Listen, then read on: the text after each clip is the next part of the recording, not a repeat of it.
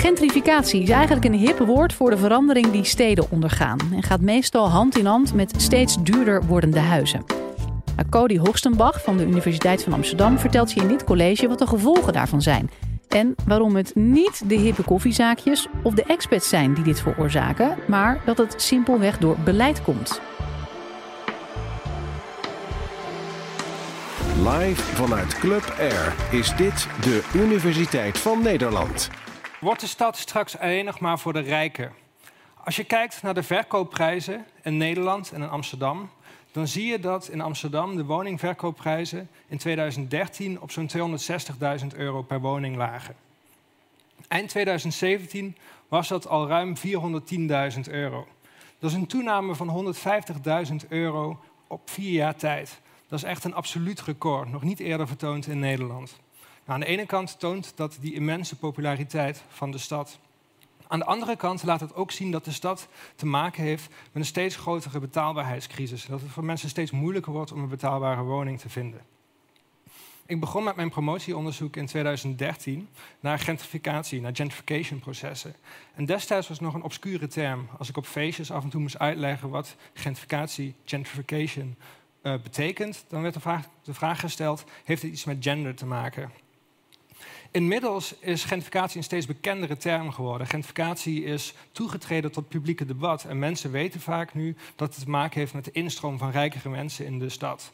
Met bepaalde buurten die steeds duurder worden. En dat ook de woningen daardoor steeds duurder worden en mensen geen plek meer hebben om, om, om te wonen.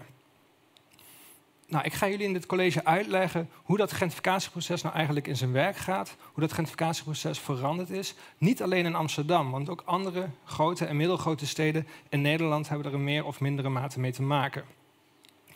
Eerst een stukje geschiedenis. De term gentrificatie is voor het eerst gemunt in 1964 door Ruth Glass. Ruth Glass is een Britse socioloog, zoals ook een neomarxist, die eigenlijk in haar wijk in Londen Islington in Noord-Londen, inmiddels een heel dure buurt, veel veranderingen zag. En die veranderingen, het was een oude arbeidersbuurt. En die werd populairder onder de middenklasse, onder de creatievelingen, onder de kunstenaars, onder de studenten. Misschien mensen die hoog opgeleid zijn en iets meer te besteden hebben. En zij noemden dat gentrification. Gentrificatie in het Nederlands inmiddels. En wat we nog steeds zien, is dat veel van onze kennis over gentrificatie afkomstig is uit Londen, uit New York. Dat zijn natuurlijk uh, steden, wereldsteden, hele bijzondere wereldsteden, in anglo-saxische, marktgeoriënteerde samenlevingen.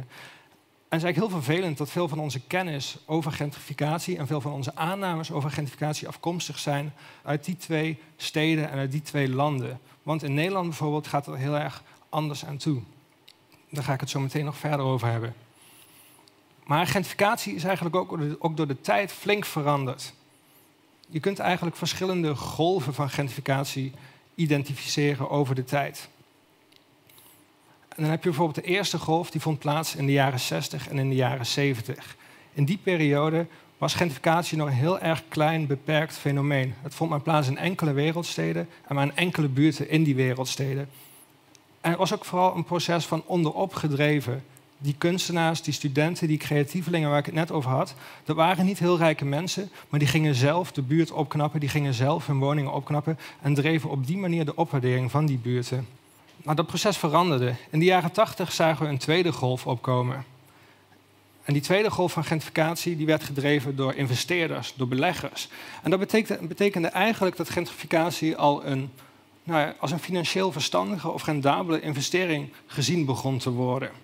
En daarmee werd gentrificatie ook al iets dominanter in steden. Maar nog steeds was het door de regel een redelijk klein en beperkt fenomeen. Dan komen we aan bij de derde golf. En die derde golf die begon eigenlijk vanaf de jaren 90, midden jaren 90 zo'n beetje, tot nu ongeveer.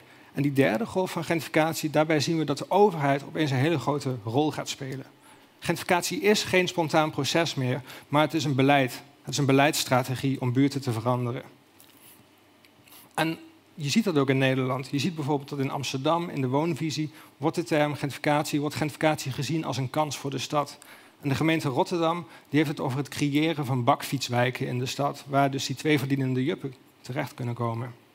Nou, met behulp van de overheid, met die overheidssteun, heeft gentrificatie zich weten uit te breiden van een kleine tegenbeweging tot een steeds dominanter proces. Een proces waarbij steeds meer buurten te maken krijgen met gentrificatie en ook in steeds meer steden. Soms wordt er gesteld dat we inmiddels te maken hebben met een vierde golf van gentrificatie. En die vierde golf van gentrificatie is eigenlijk deels een voortzetting van de derde golf. Maar daarbij zien we ook dat de woning steeds meer als een investering, als een belegging dient. Er is op dit moment heel veel geld beschikbaar eh, ter wereld. En het geld stroomt vanwege lage rentestanden bijvoorbeeld allemaal de woningmarkt op. Dus die prijzen exploderen op dit moment. Maar dat geld komt niet random terecht in Nederland of in een stad. Dat stroomt juist naar die buurten die populair zijn en waar de prijzen verder zullen stijgen. Want daar kun je het meeste winst behalen. En al die processen hebben ervoor gezorgd dat gentrificatie dus een steeds groter, uitgebreider proces wordt, waarbij de overheid en waarbij ook investeerders een steeds belangrijkere rol zijn gaan spelen. Maar toch, de algemene definitie van gentrificatie is in al die tijd niet heel veel veranderd. Je ziet nog steeds dat het in wezen een proces is waarbij hogere inkomensgroepen een buurtinkomen er steeds minder plek is voor lagere inkomensgroepen en waarbij uh, uiteindelijk veel minder betaalbare woningen beschikbaar zijn. In die periode dat gentrificatie steeds groter is geworden, is eigenlijk ook de term bekender geworden, zeker in Nederland. Ik zei het al, toen ik begon was gentrificatie nog een obscure term. Maar wat je nu ziet, is dat de term gentrificatie wordt nu tegenwoordig steeds vaker gebruikt. Bijvoorbeeld in landelijke media. In kranten wordt de term gentrificatie nu regelmatig gebezigd.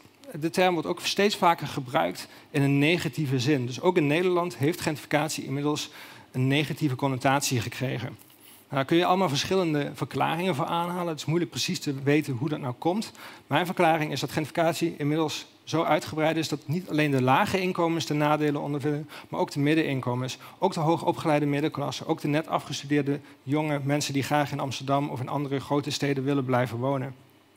En dat zijn ook journalisten die er vervolgens stukjes over gaan schrijven, want zij krijgen hiermee te maken. Nou, wat heel specifiek is aan gentrificatie in Nederland, is de bijzonder grote rol van de overheid. Steden, stadsbesturen doen er eigenlijk alles aan, of heel veel voor, om die middenklasse, de hoogopgeleide bewoners, aan zich te binden. Dit zou de stad een grotere concurrentiekracht bieden ten opzichte van andere steden in, in het binnen- en buitenland. Maar het zou er ook voor zorgen dat arme buurten opgewaardeerd zouden worden, dat ze veiliger zouden worden en misschien prettiger zouden worden voor iedereen. Dus de overheid speelt een hele grote rol in het aanjagen van gentrificatie. En de belangrijkste maatregelen die ze bij betreffen gaan via woonbeleid. Woonbeleid, het verkopen van sociale huurwoningen of het slopen van diezelfde sociale huurwoningen en de dure koopwoningen voor terugplaatsen, waardoor ook de bevolking verandert. Maar ook op andere manieren probeert de overheid die gentrificatie te sturen. Ook op manieren waar je niet echt zo snel aan zou denken. Wat je bijvoorbeeld ziet is dat veel van die horeca, dat is natuurlijk het eerste wat je ziet in een gentrificatiebuurt, veel van die horeca opent zich en we denken altijd dat zijn slimme ondernemers. Die zien het gat in de markt. Dat zijn de ondernemers die weten uh, wat het onaangetapte potentieel is om een hippe koffietent of om een goed restaurant in zo'n buurt te beginnen. En dat is zeker deels waar. Dat zijn inderdaad vaak goede ondernemers. Maar het is niet het hele verhaal. Want vaak zie je ook dat dit soort ondernemingen flink gesubsidieerd worden door de overheid om maar te openen in dit soort buurten. Of dat ze lagere huren krijgen van woningcorporaties die de winkelruimte in bezit hebben of dat ze op niet-financiële wijze gesteund worden door de overheid. Dus je ziet ook dat zelfs door middel van de horeca probeert de overheid buurten te veranderen. Nou, er zitten een aantal simpele redeneringen achter. Eentje daarvan is als je een koffietent weet te openen in een straat, misschien een straat waar wat problemen zijn, dan zorgt dat voor sociale controle. Die koffietent zal er eigenlijk voor zorgen dat de hangjongeren als vanzelf verdwijnen. In werkelijkheid gaan ze gewoon ergens anders naartoe natuurlijk. Een andere reden is dat ook die koffietent misschien een vliegwiel-effect bewerkstelligt. Dat mensen de buurt daardoor aantrekkelijk gaan vinden en er misschien ook graag willen gaan wonen. Als je op Funda kijkt en je kijkt welke woningen te koop staan, dan zie je bij de foto's niet alleen foto's van de woningen, maar ook van de hippe horeca die in de buurt te vinden zijn. Dus de overheid speelt een belangrijke rol. Dat brengt me eigenlijk ook bij een belangrijk misverstand over gentrificatie. Want als we het in het publieke debat vaak hebben over gentrificatie, mondt het al snel uit in een discussie over nieuwe bewoners versus oude bewoners. Alsof de jup of de hipster of die sympathieke horecaondernemer de schuldige is aan dat gentrificatieproces. Een aantal jaar geleden was er in Londen een protest en dat protest richtte zich specifiek tegen het Serial Killers Café. Dat is een café waar je dure cornflakes kunt kopen. En dit cornflakes café werd symbool voor de opwaardering en de ongelijkheid die heel erg zichtbaar werd in die buurt. En dus werd het café ook bekogeld bijvoorbeeld. En de ruiten werden ingeslagen. Nou, dat is helemaal de verkeerde manier volgens mij om dat protest tegen gentrificatie vorm te geven. Want die juppen, die hipsters, die willen ook betaalbaar wonen. En die horecaondernemers hebben vaak het beste voor met de buurt. En door op deze manier protest vorm te geven, besteed je geen aandacht aan de structuren, de rol van de overheid, de rol van groot kapitaal in het drijven van die opwaardering. Wat heeft dit nou te betekenen voor de stad? dan moet je eigenlijk nagaan van wat betekent nou die stad voor mensen? Hoe functioneert de stad? De stad functioneert van oudsher als een roltrap. Mensen komen laag binnen in de stad, studenten, migranten, om vervolgens carrière te maken, om iets misschien te gaan doen met hun leven. Uh, dat, is niet, dat is logisch. In de stad bevinden zich de universiteiten, dus hier kun je een opleiding volgen. In de stad bevindt zich ook de arbeidsmarkt, dus hier kun je werk, vinden.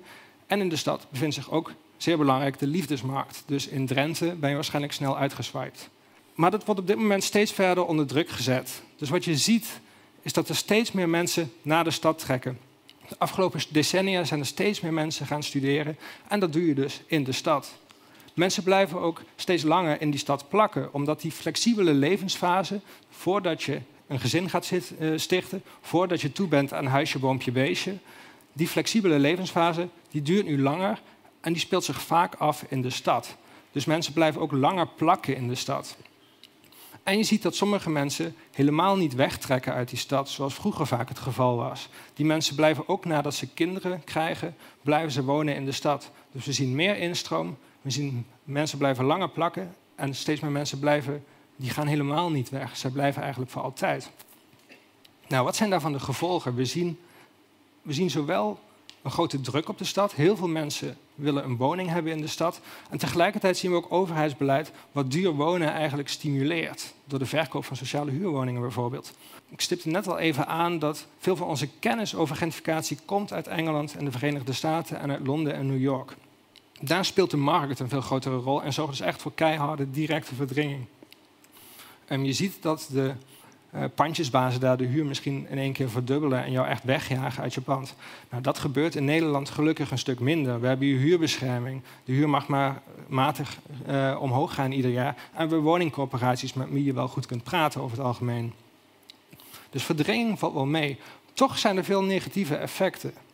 Um, en die effecten hebben ermee te maken dat je bijvoorbeeld, als je wilt verhuizen, dat het heel moeilijk blijkt. Dus mensen komen vast te zitten in een woning. Dat zou je stilstand kunnen noemen. Mensen hebben gewoon geen andere plek om naartoe te verhuizen, ook al is de huidige woning misschien veel te klein. Of misschien word je gedwongen om te verhuizen. Uh, misschien verlies je je baan. Of misschien ben je afgestudeerd en moet je je studentenwoning uit. Of misschien lig je, lig je in een echtscheiding, goede reden om te verhuizen. Of krijg je kinderen en ben je toe aan een grotere woning. Nou, dat zijn allemaal redenen dat je moet verhuizen. En door gentrificatie, door het duurder worden van die woningmarkt, word je uitgesloten. En als je dan moet verhuizen, heb je misschien veel minder opties. Nou, wat is dan de reactie van heel veel mensen? Dat is dat ze bereid zijn om offers te maken als ze moeten verhuizen. En dat kunnen verschillende soorten offers zijn.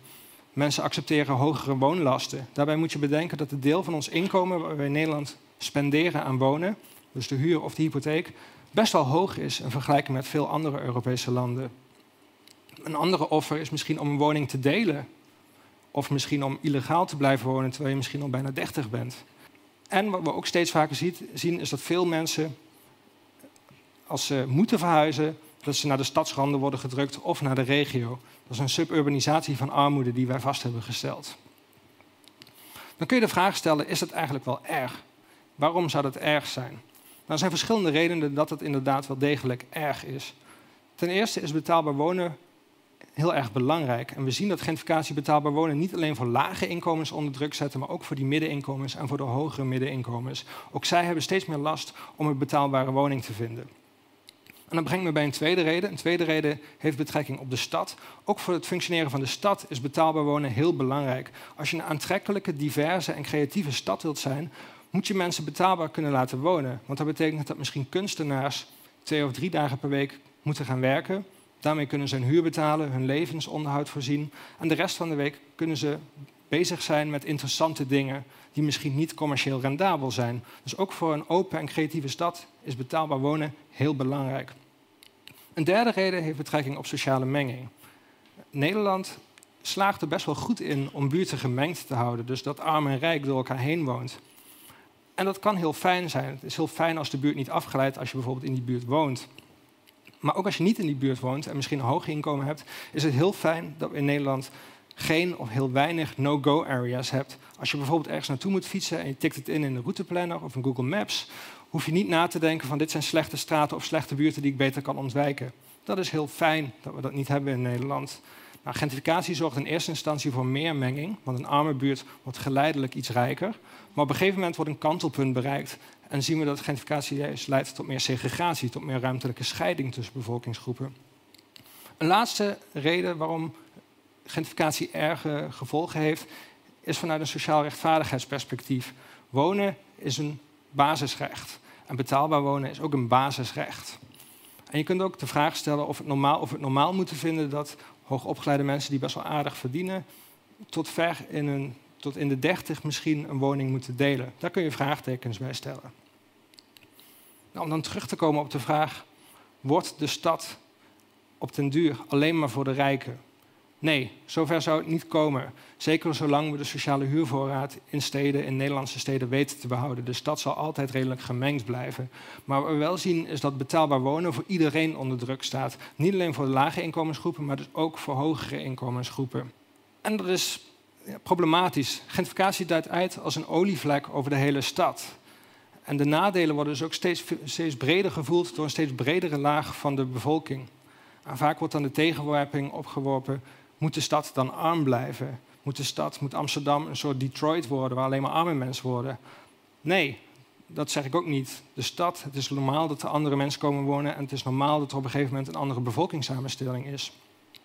Maar op dit moment zien we gentrificatie als de enige manier om opwaardering te bewerkstelligen. Iedere vorm van verbetering gaat in combinatie met het duurder worden van de stad.